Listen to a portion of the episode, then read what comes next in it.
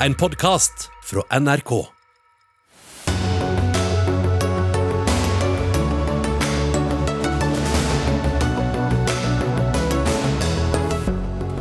Dyrearter forsvinner, bestander går ned. Nå må vi våkne, krever WWF, og slenger en fersk rapport på bordet.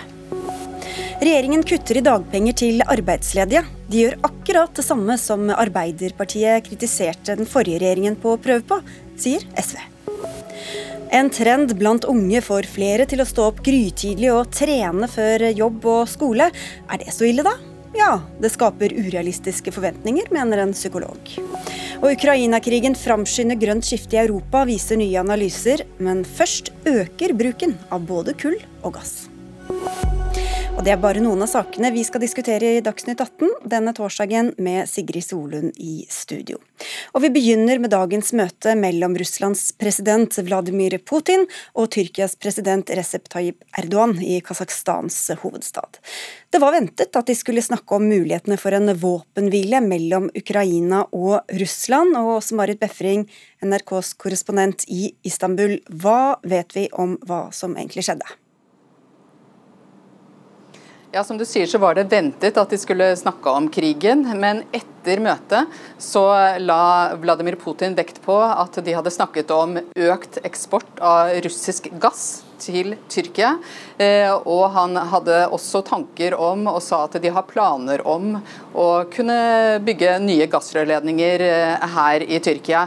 Eh, og at Tyrkia til og med kan bli en slags gasshub der man også kan eksportere til andre land, bl.a. også i Europa, hvis de ønsker det, sa Putin etter dette møtet. Mens da Eidogan la vekt på denne korneksporten som de fikk gjennom fra Ukrainas havner i juli. Det var altså FN, Ukraina, Russland og Tyrkia som inngikk en avtale om å eksportere 20 milliarder tonn med korn.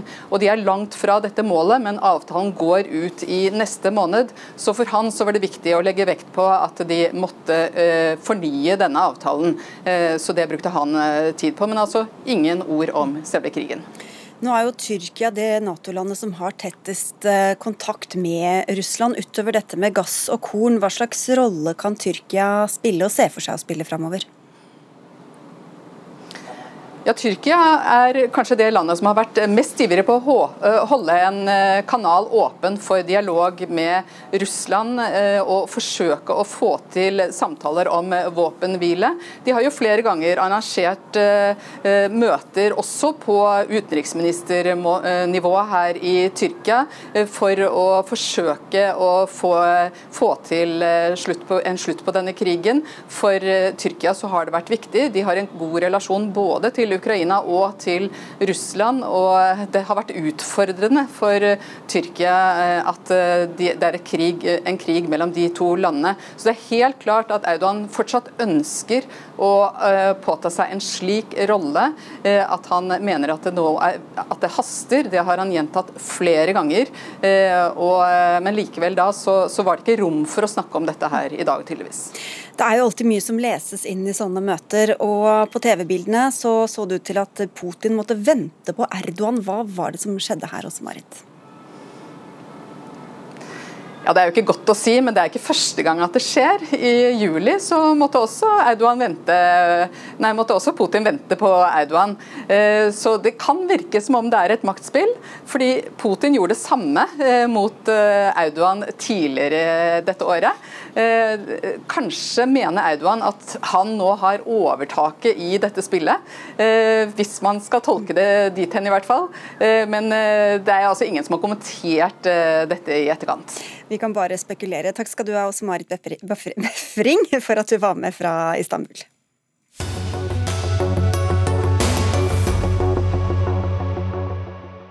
Arter forsvinner, bestander minker, tallet på ville dyr går ned, livet i elver og innsjøer blir fattigere.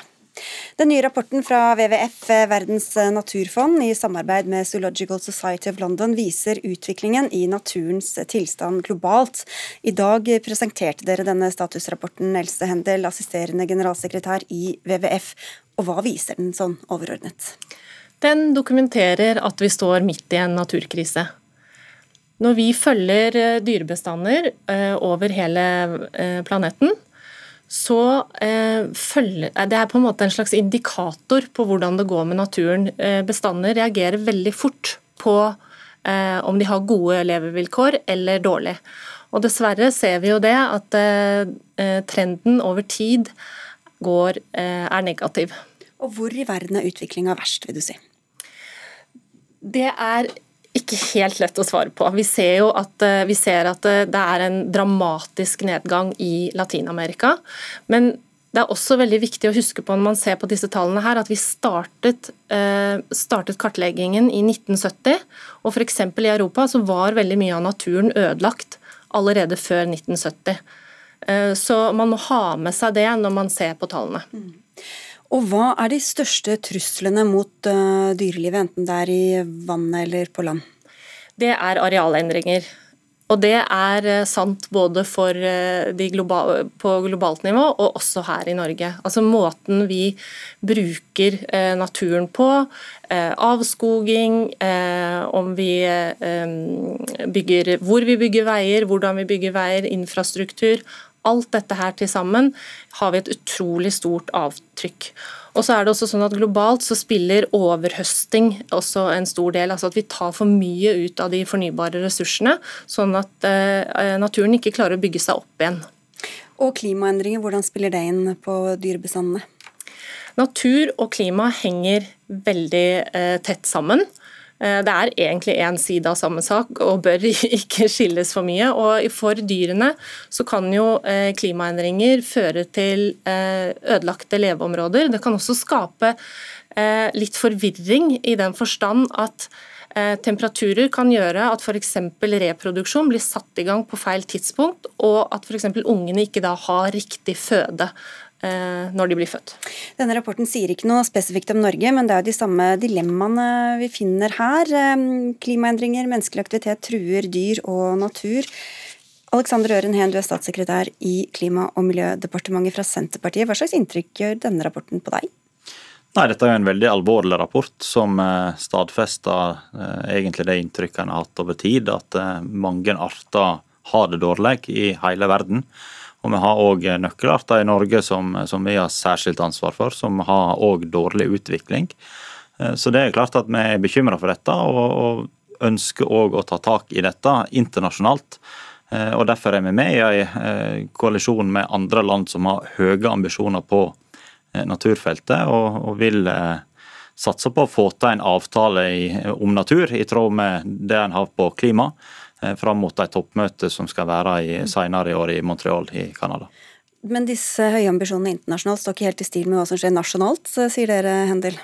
Ja, det er, en, eh, det er vanskelig å se eh, spor av de store endringene som faktisk må til for at vi skal snu eh, naturtapet. Det vi må gjøre er at vi må verne og restaurere mer natur. Vi må endre forbruket vårt, sånn at vi reduserer fotavtrykket. Og vi må kutte klimagassutslippene. Det er helt riktig det som statssekretæren her sier, at det å få til en internasjonal ambisiøs avtale er helt avgjørende. og Det blir kjempespennende nå i desember. Men så må jo dette tas hjem, da, Ned, eh, hjem til alle, hvert enkelt land. Og det må jo også dryppe helt ned på kommunenivå. Men dette økonomien du sier, vi har ikke bærekraftig, vi er for mye kjøp og bruk og kast. Hva, hvordan spiller det inn på hvor mange arter vi har, eller hvor mange, mange eksemplarer det er av hver art? Jo, fordi at eh, med det forbruket vi har i dag, så eh, bruker vi mer natur enn den klarer å regenerere seg selv. Og det Vi da gjør, er at vi stadig vekk svekker den. Vi kan på en måte si at vi tar opp mer og mer kreditt. Vi oppfører oss som om naturen er utømmelig og uendelig, og det er den jo ikke. Og Bare som et eksempel. Eh, vi, Norges økonomi er bare 2,4% av det, vår økonomi er eh, sirkulær. Og det vi må gjøre er at vi må gå fra et bruk-og-kast-samfunn som vi har i dag, til å gjenbruke mye mer av de materialene vi allerede har tatt ut av naturen. Du nevnte Nederland da vi snakket sammen tidligere, hvor det er 24 det er 24 sånn? ja, Så det er litt å gå på her, Hen? Ja da, vi har ambisjoner på sirkulær økonomi, og vi har òg ambisjoner på vegne av norsk natur. Eh, og denne regjeringen her, eh, med Senterpartiet og Arbeiderpartiet har jo satt i gang flere tiltak retta direkte mot arter.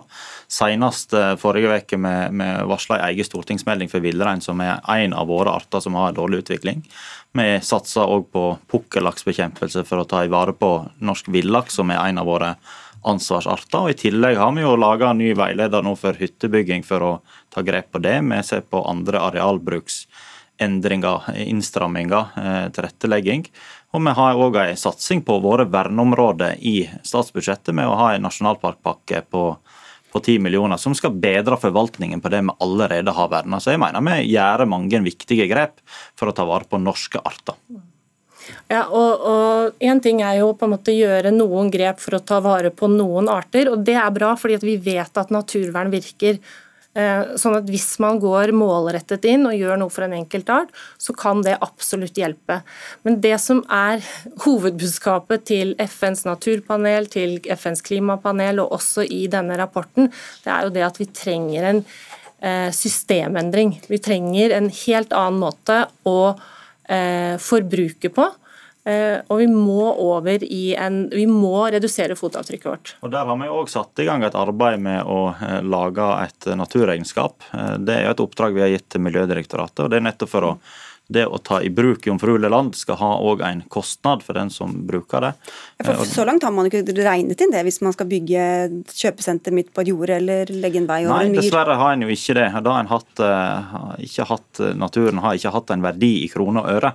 Eh, og Det er vi nødt til å gjøre noe med. Eh, og Det blir viktig for å, å stoppe ytterligere arealnedgang som ikke er hensiktsmessig.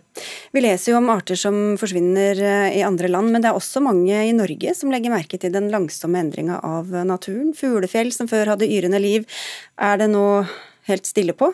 100-meterskogen du vokste opp med står der plutselig ikke lenger. Johanne Refseth, du er psykolog og forfatter, best kjent som psykolog med sovepose. Naturen har jo en egenverdi, men hvorfor er den også så viktig for oss mennesker i det daglige? Vi vet at natur har en veldig god effekt på den mentale helsa vår. Eh, vi ser at det er angstreduserende, altså at stressnivået i kroppen går ned når vi er ute. Det er bra for både den fysiske og den psykiske helsa. Vi ser at de tenker mer konstruktivt rundt problemer. Eh, vi ser at folk opplever flere positive følelser når de er ute. Dette er alle ting som er viktig for psykisk helse. Og så vet vi samtidig at uh, psykiske lidelser det er en vanvittig dyr sykdom for Norge. Altså det, uh, psykiske lidelser koster Norge 280 milliarder kroner i året. Det er fire ganger uh, budsjettet til Forsvaret. Så det vil si at alle de tingene vi kan gjøre, som er med på å forebygge og skape et samfunn hvor psykisk helse, uhelse forebygges, det er ekstremt økonomisk riktig for oss. Og kjempeviktig. Og her under da er jo det å ta vare på naturen sånn at folk har tilgang til det. Ja, for det er mange som reiser kanskje i ferier til fjellet eller til sjøen. Men hvor viktig er den daglige, altså den lette tilgangen til naturområder? Den er kjempeviktig. Altså, det er også viktig det her å ta vare på de store områdene. ikke sant? Men det er kjempeviktig det her å ha nær tilgang. Det ser du på forskningen. Skal ikke så mye til. ikke sant? Ti minutter ute i, en park, nesten. Eh, så, men dette her er underkommunisert tenker jeg da, når det gjelder naturvern, at det her også handler om folks psykiske helse og velvære rundt omkring. Det er mange som snakker om en økologisk sorg over det som skjer. Kjenner du på det selv? Jeg kan kjenne på det, ja. For jeg er jo veldig mye ute og ser jo disse her forandringene. Jeg merker det jo på liksom, ok, her er det annen fuglesang eller mindre fuglesang enn det pleier å være. sånne ting. Eh, men jeg er litt sånn imot å prate om økosorg. ikke sant? Jeg får spørsmål om ja, hva skal jeg gjøre med økosorgen min.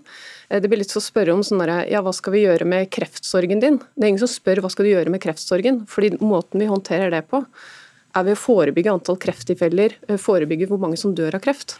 Så det vi må gjøre, er å gjøre noe med at folk faktisk sørger over å miste ting som er utrolig viktig for dem.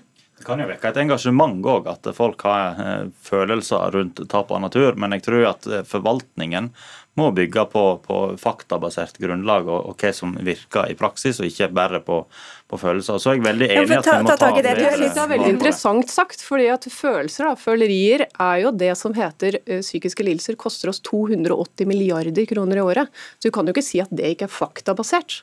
Det er jo kjempeviktig. Det var ikke det jeg sa heller, men forvaltningen av natur, hva grep vi gjør fra statens side både for å tilrettelegge og annet, det må vi gjøre på et riktig grunnlag. Og, folks opplevelse av natur er jo selvsagt viktig i det, men, det er jo litt eh, om, om eh, natursorg er et nytt begrep, det, det vet jeg ikke. Men regner dere inn hva, altså, hva slags Vi har ikke regna inn Nei. psykisk helse i eh, våre naturbudsjett, men vi legger jo til rette for friluftsliv, og det er en viktig satsing for regjeringa. Og det er et godt poeng at det er viktig å regne inn. ikke sant? Det betyr ikke at man ikke skal bruke naturen, at man aldri skal hugge et tre igjen. Det betyr bare at man skal ta vare på disse tingene og tenke det inn i budsjettet. Hendel, det er jo sånn arter har kommet og gått i alle tider. Hvorfor er det så viktig å ta vare på akkurat de som lever her og nå? Ja, arter har kommet og gått, men eh, de har aldri forsvunnet så raskt som det de gjør nå. Og, de har, eh, og det som er nytt med denne som vi kaller den liksom sjette masseutryddelsen, det er jo at det er vi mennesker eh, som står bak. Og vi vet jo ikke egentlig hvilke arter som er viktige og viktige. Naturen er utrolig kompleks, den er svær. Vi vet ikke hvor mange arter som finnes. Og det, Vi kan ikke gå inn med kirurgisk presisjon og si dette er viktig, dette er ikke viktig. Dette er store systemer som opprettholder både naturtyper og, og vårt eget livsgrunnlag. Og det må vi ta vare på. Og det aller billigste er jo bare å la den stå igjen. Ja, og mye natur står òg, og vi må òg tilrettelegge og reparere natur. For vi har natur som er ødelagd av uh, menneskelig aktivitet, og der må vi gjøre en del restaureringstiltak. Ok, i Canada er det altså det store møtet. Ville du inn på slutten her, Refseth? Nei. En liten, en liten, oppfordring bare om å gå ut i den naturen som fins, kan sikkert alle nikke til rundt bordet.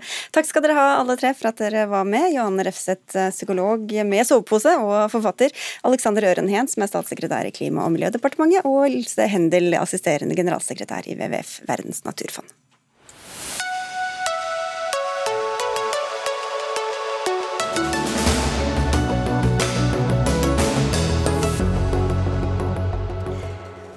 Partiene til venstre for regjeringa steiler. LO mener det må være et arbeidsuhell.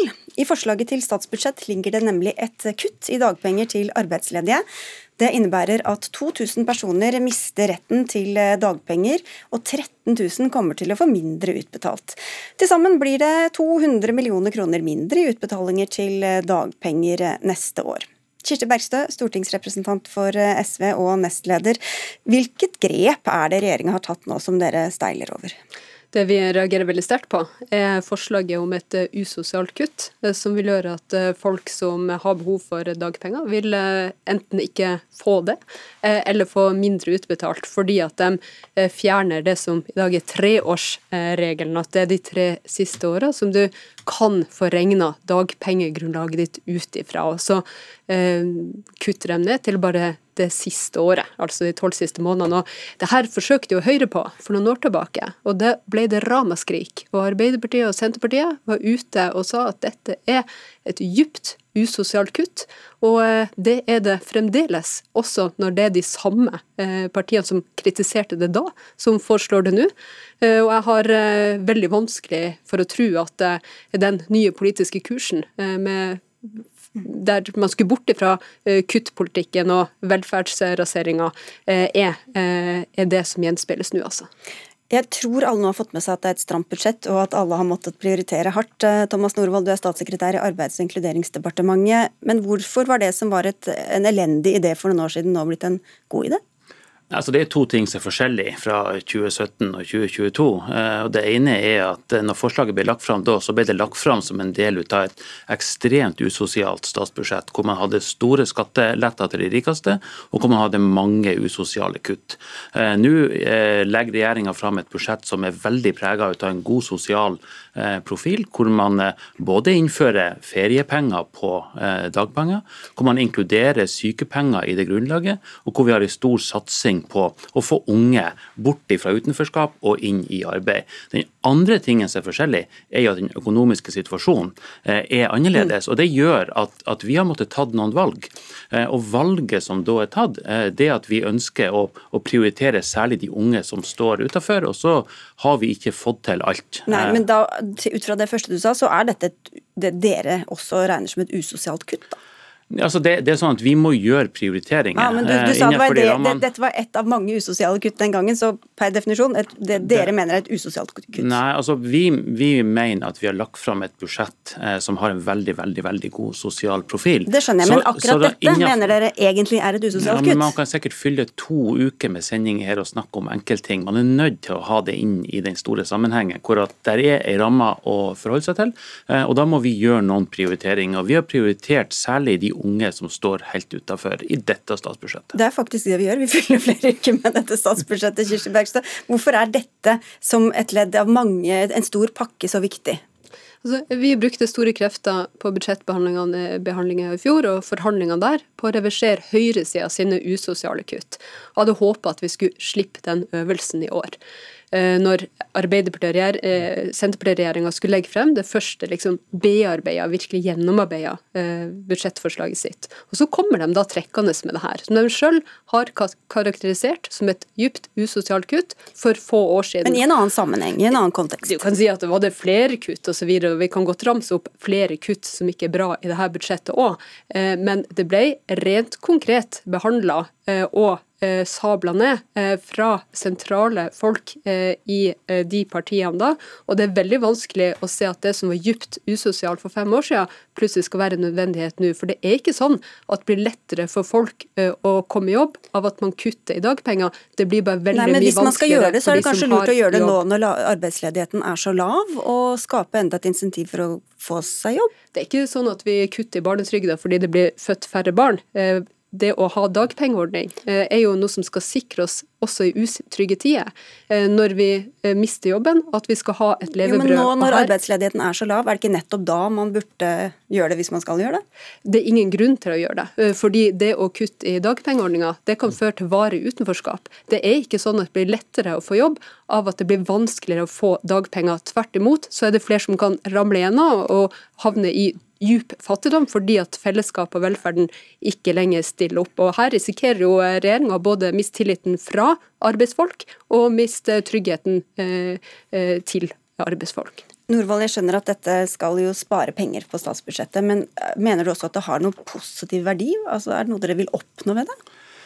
Altså, nå er det jo sånn at De fleste som er arbeidsledige, går ikke på dagpenger. Eh, og eh, De fleste som går på dagpenger, gjør det heldigvis i veldig kort tid mens man, mens man venter på å få en ny jobb. Og, og For regjeringa så er den, den arbeidslinja viktig. Altså, vi, vi, gjør mange tiltak for å få eh, flest mulig til å være en del av arbeidslivet.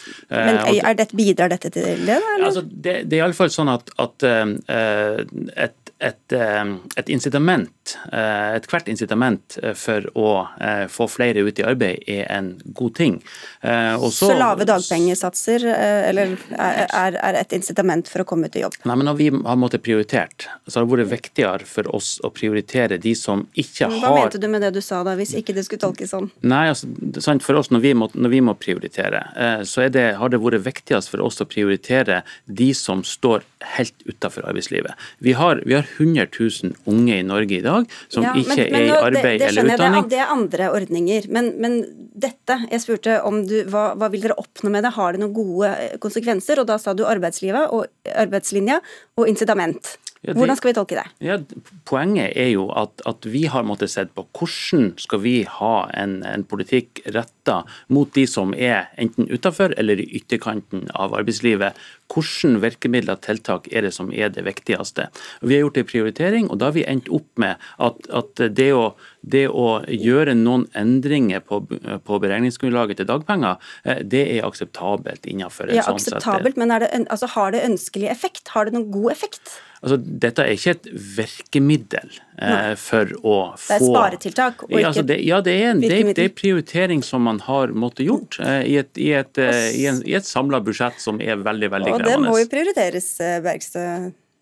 Ja, absolutt, men det er ikke arbeidsfolk eh, som skal oppleve utrygge tider nå, eh, med det nye flertallet folk har stemt frem for å få den forandringa som trengs. Det er ikke sånn at du lettere får jobb av at du får det eh, vanskelige, større problemer med å få dagpenger. Dette går ut over deltidsarbeidende kvinnfolk som ikke tjener nok til å kunne eh, få dagpenger. Det går ut over eh, menn i midlertidige eller innleide stillinger som, som mister jobben. Dette er et usosialt kutt som jeg forventer at regjeringa retter opp i. LO var ute i går med ramsalt kritikk og kalte det for et arbeidsuhell som de regna med at regjeringa skulle rette opp i. Og Det er det eneste holdbare beskjeden å få fra regjeringa, er at de tar ansvar og retter opp i det her kuttet sjøl. Eh, fordi ja, For dere vil, dem, dere vil ikke bruke deres politiske kapital på å gjøre det når dere skal forhandle, er det sånn? Altså, hvis regjeringa vil ha noen som helst troverdighet sosialt, Eh, så må de ta det ansvaret sjøl. Og så lover jeg at vi svikter ikke arbeidsfolk. Men det å stå og kalle det djupt usosialt, akkurat det samme forslaget, den samme begrunnelsen for få år siden, og fremme det nå som om det skulle være noe positivt i det, det gir meg en stygg smak i kjeften.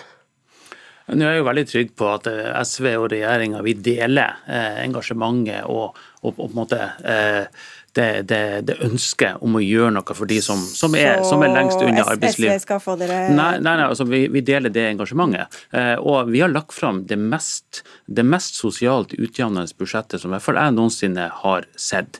Eh, og da tenker jeg det at eh, når det her nå skal gjøres opp i, eh, i Stortinget, så nå ligger jo saken der. Eh, Regjeringa leverte fra seg, så får man jo se hva som skjer. Men uansett, hvis man skal gjøre noen forandringer, så kommer vi ikke utenom det faktum eh, at hvis noe skal inn, så er det noe annet som må forandres på. Og det blir mer om innsparinger i budsjettet mot slutten av denne Dagsnytt 18-sendinga. Da gjelder det de som er i jobb, og de som tjener over 750 000 kroner. Vi sier takk til dere for at dere kom, Thomas Norvald fra Arbeiderpartiet, statssekretær i Arbeids- og inkluderingsdepartementet, og Kirsti Bergstø på Stortinget, nestleder for SV.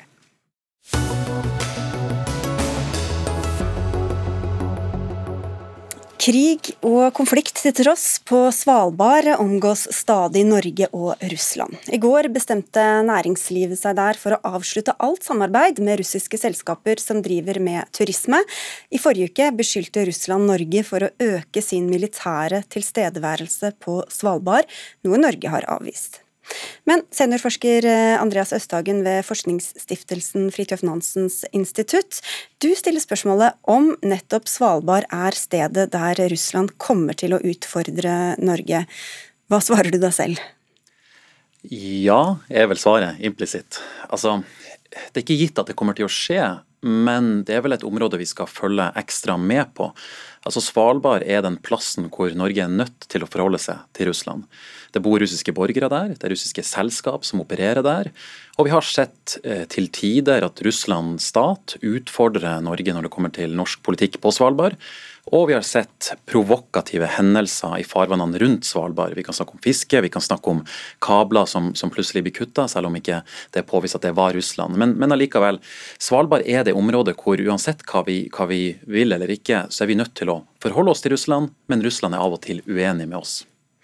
Arno Holm, du er også med oss. Du er redaktør for nettstedet High North News, som dekker de arktiske områdene, og dermed også Svalbard, og er med oss fra Longyearbyen, der du har bodd tidligere en rekke år som redaktør for Svalbardposten. Hva tror du, er Svalbard stedet der Russland kan komme til å utfordre Norge? Bare først, Jeg, jeg var i Longyearbyen i går, jeg er i Reykjavik i dag. Du må fortelle oss om reiseruta di, vet du. før du ja, det, det, det, er sånn det. Nei, Jeg kommer rett fra Longyearbyen og jeg har diskutert akkurat disse tingene. Jo, det, det er riktig at Russland utfordre Norge på Svalbard. Men, men, det har de for så vidt gjort lenge før den spente situasjonen vi kom i nå. Så kan man nok spekulere på om dette akselererer. Men Russland utfordrer jo Norge også hvis vi flytter oss ned til fastlandet, eh, til Øst-Finnmark og Kirkenes og, og, og, Finnmark. Så jeg tror ikke vi skal hype det der for mye. Det, det, det er et velkjent mønster i den russiske protestene mot Svalbardtraktaten, eller mot tolkning av Svalbardtraktaten. Altså Russland har i ett og alt alltid innrømt Norges suverenitet på Svalbard. Business as usual, Østhagen? Jeg er ikke helt enig. Nå satt jo jeg og Arne og diskuterte det her i går på Svalbard. Eh, altså Det er noe, med Svalbard eh, spesielt. Altså Ja, business as usual, kanskje at Russland fortsetter å, utfordre oss. Men vi ser også et handlingsmønster eh, når det gjelder Russland generelt, i måten de utfordrer Vesten på, Nato på. Vi så en sabotasje av noen rørledninger i Østersjøen, som kanskje eller kanskje ikke var, var Russland. Og det er et eller annet med å, å kunne i hvert fall nekte for eller unnlate seg direkte bevis eh, som, som, Russland har vært opptatt av i sin, i sin krigføring, altså så, såkalte hybride trusler. Eh, og Der er Svalbard spesielt utsatt, spesielt fordi at man har en uenighet med Norge om hva som gjelder i det maritime området rundt Svalbard, hvor Russland mener at Norge har ingen rett til å f.eks. arrestere eller inspisere.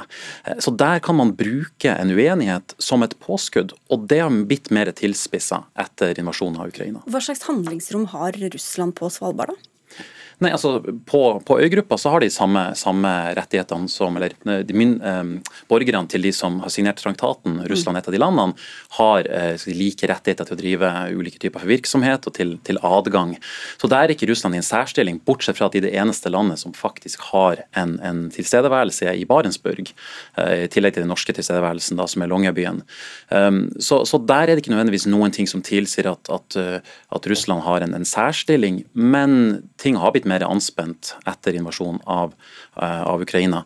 Men det er dette, dette, til havs som jeg kanskje er spesielt bekymra for. Det er ikke gitt at, at, det kommer til å eskalere.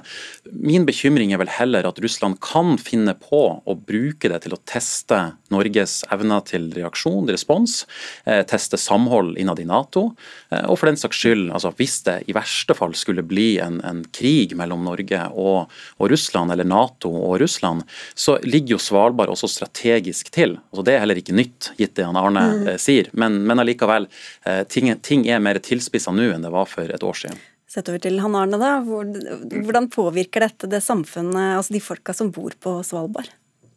Ganske mye, faktisk. Og, og, og, men dette, altså den store historien er jo at, at, at Russlands angrep på Ukraina har flytta konflikten til Arktis. Altså Alle de arktiske land legger nå nye arktiske strategier for å forberede seg på en mulig spillover eller et mulig angrep fra, fra Russland. Og, og, det vil selvfølgelig, i, i, i, dette spillet så vil Svalbard være helt sentral, både pga. beliggenheten og det spesielle forholdet mellom, mellom Norge og Russland der oppe. Det påvirker innbyggerne. for historisk sett, og, og, fortsatt, så er det et veldig vennskap mellom de russiske og ukrainske borgerne som bor i, i Barentsburg og i pyramiden og bosetninga i, eh, i Longyearbyen. Så det, det er sårt for befolkninga der oppe. Og, og, det at de har gjort dette mer prinsipielle vedtaket om å bryte samarbeidet med det russiske reiselivet, som altså er eid av Trøst Arktikugel, som er den russiske staten, altså i tråd med de sanksjonene som vi har ellers i, i Vesten, det sitter langt inne, men, men, men, men det er samtidig et, folk der oppe som også vil stå på de samme prinsippene som resten av nasjonen gjør. Vi nevnte Svalbardtraktaten. I går kom nyheten om at Tyrkia vil eh, signere den. Hva kan det få oss i Østhagen? Altså, umiddelbart så, så, er det bare et tegn på at Tyrkia har eh, si, ambisjoner rundt omkring i verden. Eh, Arktis er en av de delene av verden som er viktig og blir viktigere pga. klimaendringer, ressurser og andre ting. Og Svalbardtraktaten, å signere den, er et enkelt grep for å, å, vise at man er interessert i det som skjer nordover. Det gir Tyrkia rettigheter eh, på Svalbard, men jeg tviler på at det vil endre så veldig mye. Ehm, jeg håper og tror også for den saks skyld at, at Tyrkia er klar over hva Svalbardtraktaten innebærer. At de kan ikke bare eh, dra opp og fiske eller de med olje- og gassutvinning, selv om det ble nevnt i noen tyrkiske medier. Ehm, men, men, det er et tegn på interesse til de nord, rett og slett. Vi har jo Arne Holm både i dag og mange ganger tidligere forsøkt å invitere politikere mm. både fra regjering og storting til å diskutere dette, og det er veldig vanskelig å få folk inn i studio på dette temaet. Hvorfor er det så sensitivt, og kanskje særlig nå? Nei, Jeg sliter selv med å få dem til å uttale seg til min egen avis om Svalbard. Eh, så, så, så jeg kjenner igjen den problemstillinga. Det, det, er egentlig et, et, ganske enkelt svar på det. Eh, og det handler om å sitte stille i båten. Fordi at I disse diskusjonene, altså uansett hvor oppheta de er, og hvordan Andreas så jeg beskriver disse diskusjonene om eventuelle hull i en, i en mer enn 100 år gammel traktat, så, så hvis Norge altså tanken i Utenriksdepartementet og for så vidt Justisdepartementet er å ikke gå inn i diskusjoner, for da ville man åpne opp for ja, rett og slett en flom av, eh, av diskusjon fra andre land. Som, som, altså, man ville legitimere den debatten Russland ønsker å ta. Man vil legitimere en debatt som, som Storbritannia, Portugal og Spania og for så vidt EU har om, om fiskeriene. Og Det håper man å unngå. Uh, uh, å komme i en situasjon hvor man rett og slett må reforhandle denne avtalen, for det vil være håpløst. Ja, jeg vil også bare si det at det er ganske viktig å få fram hva som faktisk gjelder. Altså Svalbard er norsk territorium, eh, suvereniteten er ikke omdiskutert. Det er noen uenigheter, men det er ikke det samme som at hele Svalbard er i spill. Så det er også derfor det er viktig å mm. prate om det. Og det fikk vi gjort. vi må slutte her nå, for vi har flere saker på programmet. Takk skal du ha for at du var med eh, fra nettstedet High North News, hvor du er redaktør, altså, og seniorforsker Andreas Østhagen eh, fra Fridtjof Nansens institutt.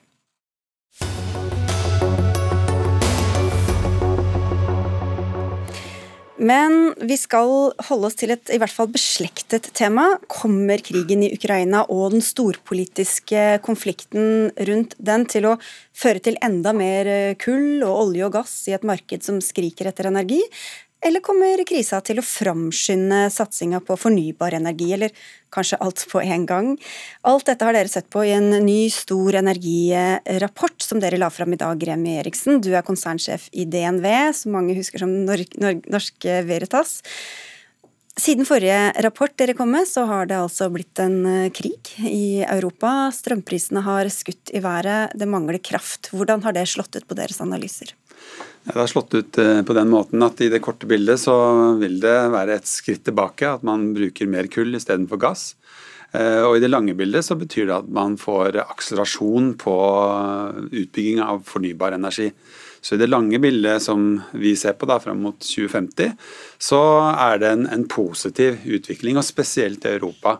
Eh, med at man får en høyere eh, andel av fornybar i energimiksen. Ganske betydelig faktisk frem mot 2030. Hvilke land ser vi nå at virkelig satser på fornybart? Ja, Det er veldig mange land som satser på det. og det, jeg må også si at det er ikke bare krigen som, som, har drevet dette. Det er en viktig faktor, men du har hva skal jeg si, politiske tiltak både i USA og i Europa, som, som f.eks.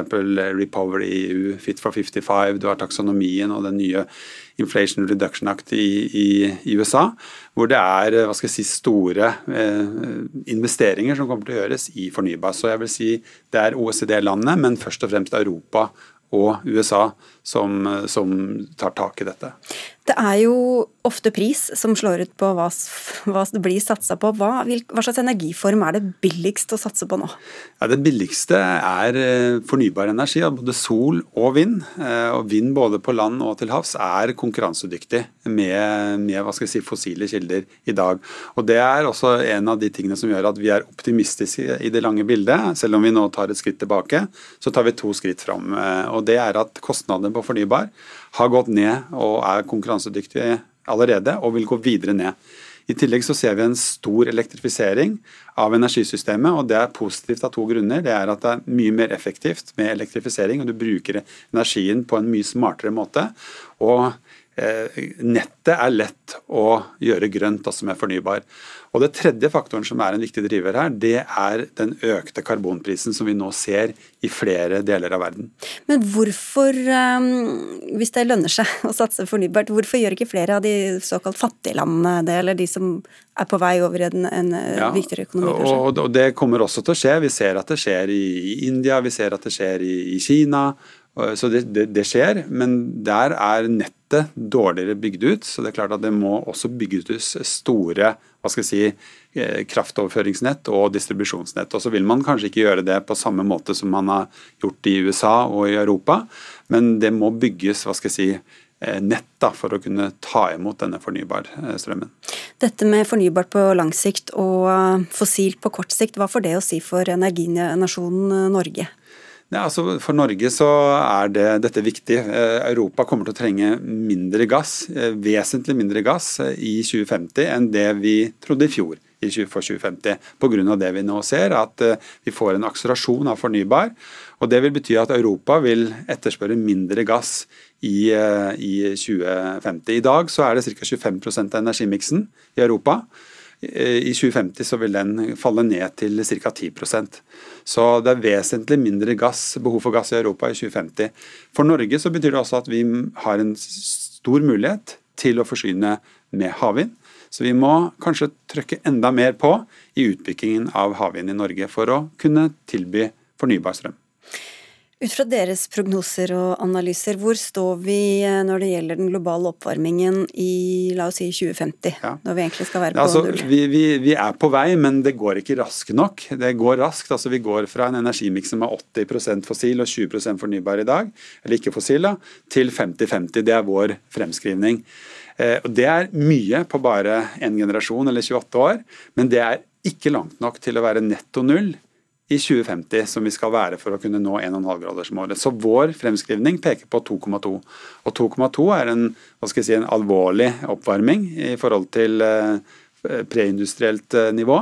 Eh, og vi har allerede sett kanskje 1,1-1,2 grader allerede. Så, så det er krevende å få til 1,5-gradersmålet. Men stopper det da på 2,2 ifølge deres uh, framskrivninger? Altså, vi, vi, sier at det er det mest sannsynlige, så dette er ikke en øvre grense. Så det kan gjerne bli mer, men mm. vi sier at dette er den mest sannsynlige. Ja, men tenker Utslippene de lever jo lenge før det ja, slår ut. Jo, jo men det, det, når vi sier 2,2, da, så er det på slutten av dette århundret. Eh, ikke sant? Så det er jo ikke det at det vil være det i, i 2050, så det er jo et etterslep her. Mm. Takk skal du ha. Remi Andersen, nei, Eriksen, konsernsjef i DNV, for at du kom til Dagsnytt 18.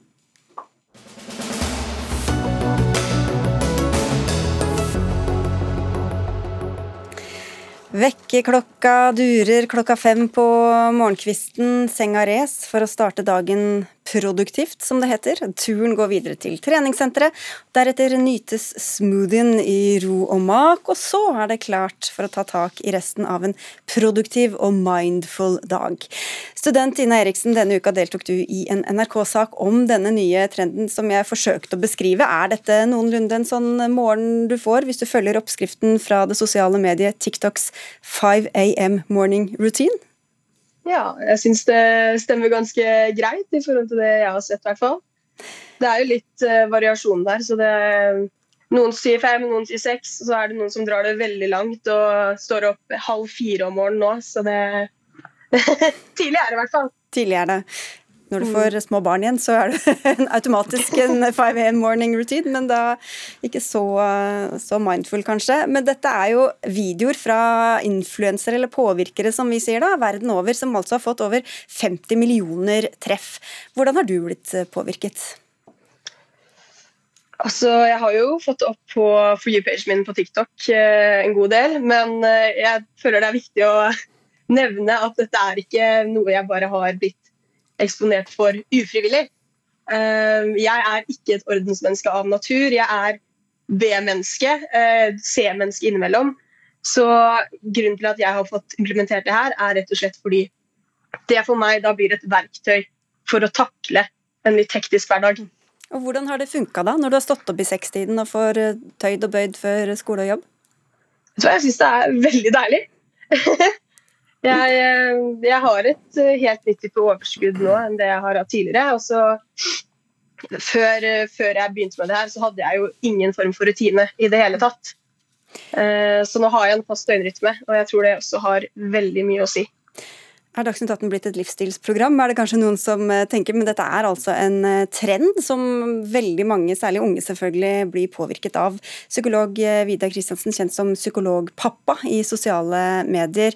Vi leser om at barn og unge sover lite og dårlig, at ungdommer ofte er B-mennesker i puberteten, eller C-mennesker som vi fikk høre her. Hvordan kan dette slå inn med denne trenden? Det kan jo slå inn på mange måter. Altså jeg tenker at Dette er jo en trend som frontes som et slags ideal. ikke sant? Og så tenker jeg allikevel at den trenden nærmest er uoppnåelig for mange. da. Jeg tenker at Ungdom som f.eks. allerede strever litt med bildet av hvem man er, strever litt med å liksom mestre hverdagen og få til ting, de kan nok få en opplevelse av å på en måte ytterligere få, få det forsterka. Dette her klarer jeg ikke. Eh, og så har vi også en del ganske flinke ungdom sant? som jeg tenker at kanskje er liksom, hva skal vi kalle det, gåstein litt for flinke, nesten. da. Uh, som kan ende, eller på en måte få forsterka tanken om at enten så må jeg gjøre det her helt perfekt, eller så er jeg ikke god nok. Mm. Det, det, eneste jeg, jeg, skal prøve å nyansere litt etter hvert, men, men, det jeg er litt redd for, det er at sånne trender kanskje kan føre til at vi mister det der eh, som er så veldig viktig for vår mentale helse, nettopp det å kunne si at jeg er god nok, eller det jeg driver med er godt nok. Det er litt redd for at kan falle bort. da. Selve Kuros Karlsen, du er leder i Tenk, som er skoleavdelingen til faktisk.no. Dere følger med på TikTok-trender og lager undervisningsopplegg også. Hvorfor tar folk, og kanskje særlig unge mennesker, da, imot råd fra influensere om når du skal stå opp og hva du skal gjøre? Det er jo det her som er veldig fascinerende. Eh, at, at, vi gjerne tenker på informasjon som det som kommer gjerne skriftlig eller i større sammenhenger. Mens for ungdom som forholder seg i stor grad til de her visuelle mediene, de får de her inputene sakte, men sikkert, og kanskje ikke tenker over egentlig at de tar imot råd. That girl var vel noe av det du beskrev her. Eh, en, en, annen trend som det også kalles på TikTok som jenter som får til alt. Mm. Hvorfor blir sånne trender så populære? Høres jo fryktelig slitsomt ut. Nei, altså, det, det, vi, det, vi, ser det er jo det fra undersøkelser ellers, er jo at vi, vi, liker som mennesker å se på ting som er tilfredsstillende. Eh, du kan gjerne si at de kaller det gjerne for satisfying. Og det kan være at man spiser mat som er veldig fargesterk. Det kan være folk som fikser livet sitt. Det er jo en tilfredsstillelse å se det her. Og dermed så tar algoritmene tak i deg og gir deg nytt innhold som på en måte bygger opp under det. Og her kan vi jo si at denne That Girl er jo da den måten du kan få styr på ditt liv. Men vi ser jo også eh, ting som går mot gutter, f.eks. sånn som vi så Andrew Tate tidligere, som også oppfordra eh, guttene til å ta tak i eget liv og ta kontroll. Ja, Det var han veldig kontroversielle figuren som vel mm. fjerna fra diverse plattformer. Men Kristiansen, å stå opp tidlig og trene, det høres jo ganske sunt ut, eller? Ja da, og jeg tenker jo at som vi hørte her, så kan det jo ha noen veldig gode og fine helsefremmende effekter. sant? Mm. Eh, struktur og rammer i hverdagen vår, det er kjempeviktig. Og jeg tenker at Det vi kanskje heller må gjøre enn å liksom fordømme disse trendene, her, det er å være litt sånn obs på hvordan det rammer meg. Da, Prøve å være, være, være, bevisst disse nyansene. Fordi um, jeg tenker jo at i den grad dette på en måte fører til at jeg har mer energi, jeg gleder meg, jeg drar på trening, jeg har det liksom fint, bra, kjempebra. Men i det ting begynner å tippe over i at jeg kjenner på stress, press, eh, jeg begynner å kjenne på dårlig samvittighet fordi jeg ikke trener istedenfor, da tenker jeg vi skal stoppe litt opp og begynne å revurdere hva som egentlig skjer. Da. Ine Eriksen, hvor bevisst hvor mye snakker dere med, med hverandre om disse tingene, det, hvor disse grensene skal gå? Um, tenker du That girl, eller og, ja, mm. ja, altså, eh, Jeg føler jo personlig at jeg har et veldig realistisk forhold til det. Altså, That girl er jo ikke that girl engang. Hun finnes jo ikke. Det er jo ingen som er perfekte. Ikke sant? Um, så jeg tenker alt innenfor rimelighet, rimelighetens grenser. Og igjen, dette her er noe som funker for meg, og hvis jeg kjenner at dette påvirker meg negativt psykisk eller fysisk, så må jeg bare eh, endre på det, rett og slett. Jeg tenker jo også Det at det er absolutt et, et valg du tar sjøl i, i, møte med det, men vi må være bevisst på at vi tar det valget. Sånn at det ikke bare blir sånn at du bare For det er jo lett å sitte på telefonen og bare se det ene etter det andre, men vi må tenke på at den informasjonen som vi tar inn, påvirker våre valg. Og så er det helt greit hvilke valg du tar, men, men, du må være bevisst på det at de her, det her er råd du tar til deg, og at du forholder deg til det. Og når, når du har den bevisstheten der, så er det noe helt annet enn bare å bli styrt uten ja, vilje. Ja, Du sa inn Eriksen, at du, du, gjorde dette med viten og vilje, men tror du at du og andre skjønner hva slags påvirkning man får fra TikTok og andre sånne sosiale medier? Jeg tror det er veldig mange som undervurderer eh, dagens ungdom. Så jeg, jeg, tror det er flere som er bevisst på det enn det mange eldre kanskje tror. Um, og så kommer Til hvilken grad vi er bevisst på det også, er jo, er jo et spørsmål da. Men uh, jeg tenker på det sånn at det er ikke slik at jeg føler at ordet påvirkning har fått en så negativ ladning. At man tenker at å, ja, påvirkning er å, det blir påvirket, det er kjempedårlig. Men jeg kaller jo det her mer for ja, inspirasjon, da. Mm. ikke sant? Og da, har du jo, da er du helt annet lada. Ja, Påvirkning det er vel det vi foreldre holder på med, det, eller prøver på i hvert fall. Vidar Kristiansen. ja, altså jeg tenker så lenge man, så lenge man har et uh, liksom bevisst forhold til det som det beskrives her, ikke sant, så er det kanskje ingen fare. Men jeg tenker at uh, det hviler et visst ansvar på meg som forelder for eksempel, også, når det kommer til å bevisstgjøre barn og unge på, på deres bruk av sosiale medier. ikke sant? Men Tror du alle ja. følger med da? Altså, alle foreldrene som sitter og hører på der, tenker sånn Hæ, har ikke fått med meg denne trenden i det hele tatt? Nei, jeg tror ikke, jeg tror ikke alle har fått med seg det. Uh, og, og, og, et godt tips da, tenker jeg kanskje er å Etter man har skrudd av TV-en og sett Dagsnytt 18 i dag, så kan man kanskje spørre ungdommen sin. Også. Du, Nå hørte jeg på, på Dagsnytt 18 om dette. Jeg lurer på om det er noe du har vært borti, eller jeg blir liksom nysgjerrig. Skal vi snakke om det? Ta en sånn samtale, da, tenker jeg er fint.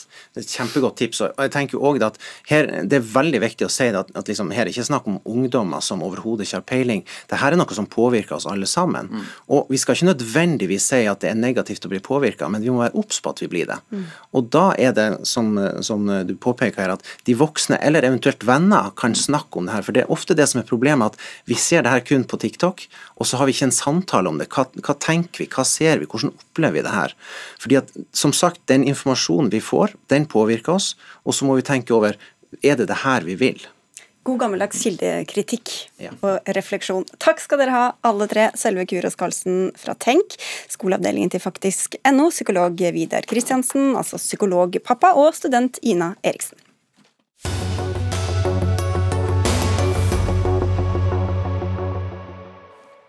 Regjeringen svekker svekker eh, Norges samlede konkurranseevne og forstå mangler forståelse for hva kunnskapsarbeidere driver med. Ja, denne kraftsalven kommer fra hovedorganisasjonen Akademikerne. De er blant flere som er sterkt kritiske til regjeringas forslag om økt arbeidsgiveravgift for lønninger over 750 000. Og Lise Lyngsnes Randeberg, inntil videre konstituert leder av Akademikerne. Hvor mange tjener over 750 000? Det var deg vi siterte innledningsvis her. Hvordan svekker dette Norges samlede konkurranseevne? Jo, eh, det her er jo egentlig en skatt på fremtida. Det rammer jo utvikling, det rammer innovasjon, det rammer eh, forskning. Spesielt det her treffer norske kompetansemiljøer og kunnskapsmiljøer på breisida. Og kompetansemiljøet det tar veldig lang tid å bygge opp, og så er de veldig lett å rasere. Og de vi er mest bekymra for, det er jo dem med den skjøreste økonomien, og de minste marginene. Altså oppstartsselskapene og dem som skal bli de neste vekstselskapene. Men bare for å spørre litt dumt, hvis de har råd til å ansette mange som tjener en million eller vel, så har de ikke også da råd til å betale litt mer arbeidsgiveravgift? Det kan jo hende at Når vi snakker om de minste selskapene, så snakker vi jo ikke om en stor stab. Da snakker vi om noen få håndplukka mennesker, og de her selskapene skal også vinne opp i kompetansekampen mot de store og sterke Eh, selskapene med god økonomi. Det er dem, dem, som skal bringe den innovasjonen og de produktene vi skal leve av i fremtida. Dem som skal skape det grønne skiftet og digitaliseringa, bl.a. Det er dem vi snakker om. Det er de folkene som er vårt gull, og som er fremtida vår. Men så er det også sånn at tiltaket gir anslagsvis 7,7 milliarder kroner ekstra inn i statskassa neste år, og da er det kanskje verdt det, eller hva, Frode Jacobsen, du sitter i finanskomiteen for Arbeiderpartiet? Ja, Vi mener jo at dette er et uh, nødvendig tiltak i den situasjonen vi nå befinner oss i. Det er et midlertidig tiltak for å bidra til å finansiere de store regningene vi nå har, knytta til særlig krigen til Putin i, uh, i Ukraina. Vi skal altså dekke inn 45 milliarder i strømstøtte til husholdningene. Vi skal dekke inn 3 milliarder til strømstøtte i bedriftene. Vi skal dekke inn 13 milliarder for flyktninger fra Ukraina. Vi skal dekke 10 milliarder i bistand til Ukraina og 8 milliarder til Forsvaret. I tillegg skal vi da finansiere økte pensjoner med 34 milliarder. Det og det er mye penger. Ja, og da, da må vi også gjøre en ekstraordinær eh, situasjon, også ta ekstraordinære tiltak. Og dette er et type midlertidig tiltak som vi syns eh, er riktig å gjøre i et sterkt omfordelende budsjett. Men hvis det fører til at selskapet går dukken, hvordan blir regnestykket til slutt da? Ja, jeg tror nå akademikerne her kanskje overdriver litt. Dette er et tiltak som er av midlertidig karakter. Eh, men eh, hvordan det vil slå ut, det, det vet vi ikke. Dette er jo ikke, det er jo ikke et tiltak som vi eh, har i programmene våre. Men dette er tiltak vi mener er nødvendig i en svært krevende situasjon. Eh, så jeg får lyst til å spørre akademikerne hva er alternativet. Vi har tre alternativer. Det er å øke skattene, redusere offentlige utgifter eller ta mer oljepenger. Og Det siste er helt uaktuelt, fordi det vil føre til økte renter. Og det vil ramme både de som er medlemmer av Akademikerne med huslån, og vanlige folk med huslån. Og det er det mest eh, urettferdige vi kan gjøre. Ja, ja, det, Randeberg, du trenger jo ikke å sitte og snekre noe statsbudsjett, men jeg vet ikke om du har noe quick fix til altså, Jeg har jo vært litt nysgjerrig på den konsekvensutredninga som er gjort. For at, vi tenker jo fort at vinninga kan gå opp i spinninga her. For det er ikke Det er vel sånn cirka Hvis du ser på den totale verdiskapinga i norsk økonomi, norsk næringsliv, så er det sånn 3700 milliarder eller noe sånt. Det er ikke veldig mange promille du skal ned i verdiskaping før faktisk vinninga går opp i spinninga her. Men hvis det er de små bedriftene du er opptatt av, eh, som du skisserte i stad, hvorfor ikke ha en annen innramming, da, hvor de blir skjerma mens de store bedriftene får den ekstra Det ligger jo nå ikke på bordet fra regjeringa. Men hadde det vært eh, spiselig? Jeg håper jo kanskje at Stortinget vil se på andre alternativer. Helst vil vi jo bli kvitt hele avgifta, men man må i hvert fall se på å skjerme de små, sårbare kompetansemiljøene. Jeg har brukt eh, ettermiddagen i dag på å ringe litt rundt og prate med noen folk. Og i ulike oppstartbedrifter Eh, de som selger tjenester til sånne selskap. Og det er stor bekymring der ute, og folk er nervøse. Er det aktuelt, Jacobsen, ta en litt annen eh, innretning på den eh, ordningen? Nei, nå behandler vi dette i Stortinget og skal jo forhåpentligvis med, bli enige med SV om et statsbudsjett. Vi, vi, er selvfølgelig villige til alltid å se på om det finnes bedre løsninger, men dette er jo en løsning vi tror er tilpassa en situasjon i arbeidsmarkedet også, hvor Fram til nylig har jo bedriftenes problem vært å få tak i folk. Det er et veldig høyt press på lønninger i, i, i en del sektorer. Dette kan virke dempende der. Altså, er, først, er det et mål at det skal få ned lønnsveksten?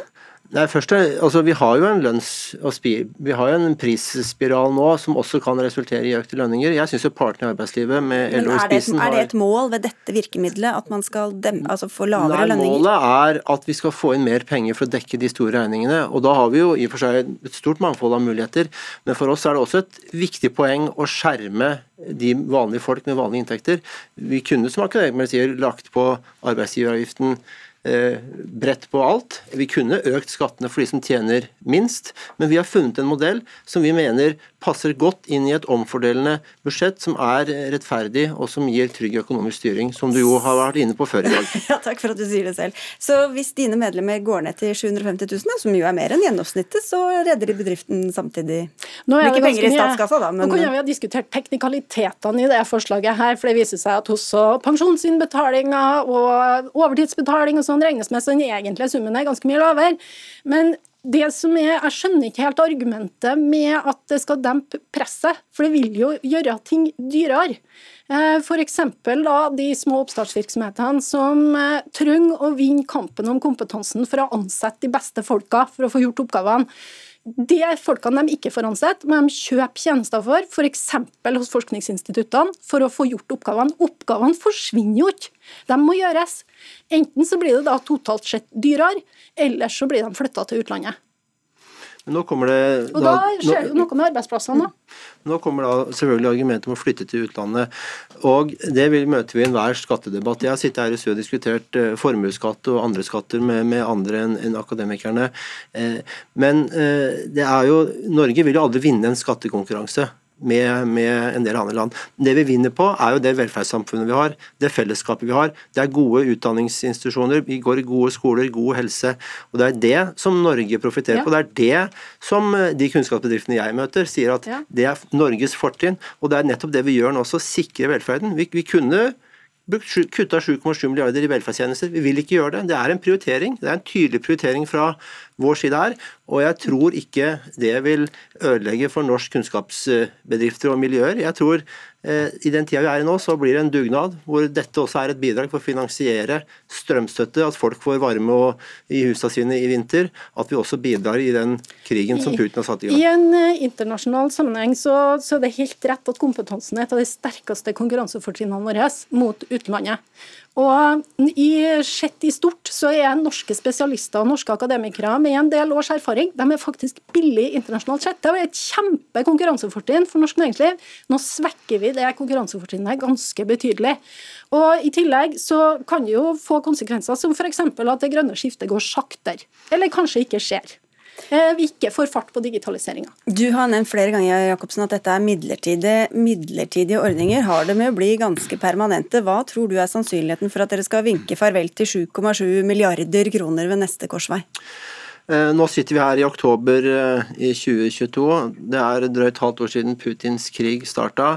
Situasjonen, altså Forutsigbarhet er det vi alle ønsker og alle de skatteøkningene vi har i budsjettet. Kom til svaret, da. Jeg har sittet her og diskutert ulike skatteøkninger. Ja. Noen mener vi strammer inn for lite, noen mener vi strammer inn for mye. Men, men poenget er skjønner, skjønner Jeg skjønner spørsmålet. Eh, og dette er den eneste skatteøkningen i dette budsjettet som omtales som midlertidig. Det er et tydelig signal på at dette her Nei, nei, og det har ikke noe sluttdato på den krigen heller. Vi har ikke noe sluttdato på når vi må finansiere eh, strømutgifter og, og økte matvarepriser, økte Men- drivstoffpriser. Men det er en veldig krevende situasjon, og dette tiltaket er rettferdig. Sendingen har en klar sluttdato, og den er akkurat nå. Takk skal dere ha, Frode Jacobsen og Lise Lyngsnes Randeberg.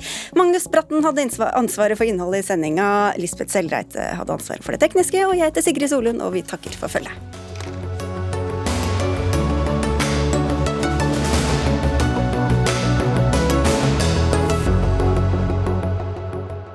Du har hørt en podkast fra NRK. Hør flere podkaster og din favorittkanal i appen NRK Radio.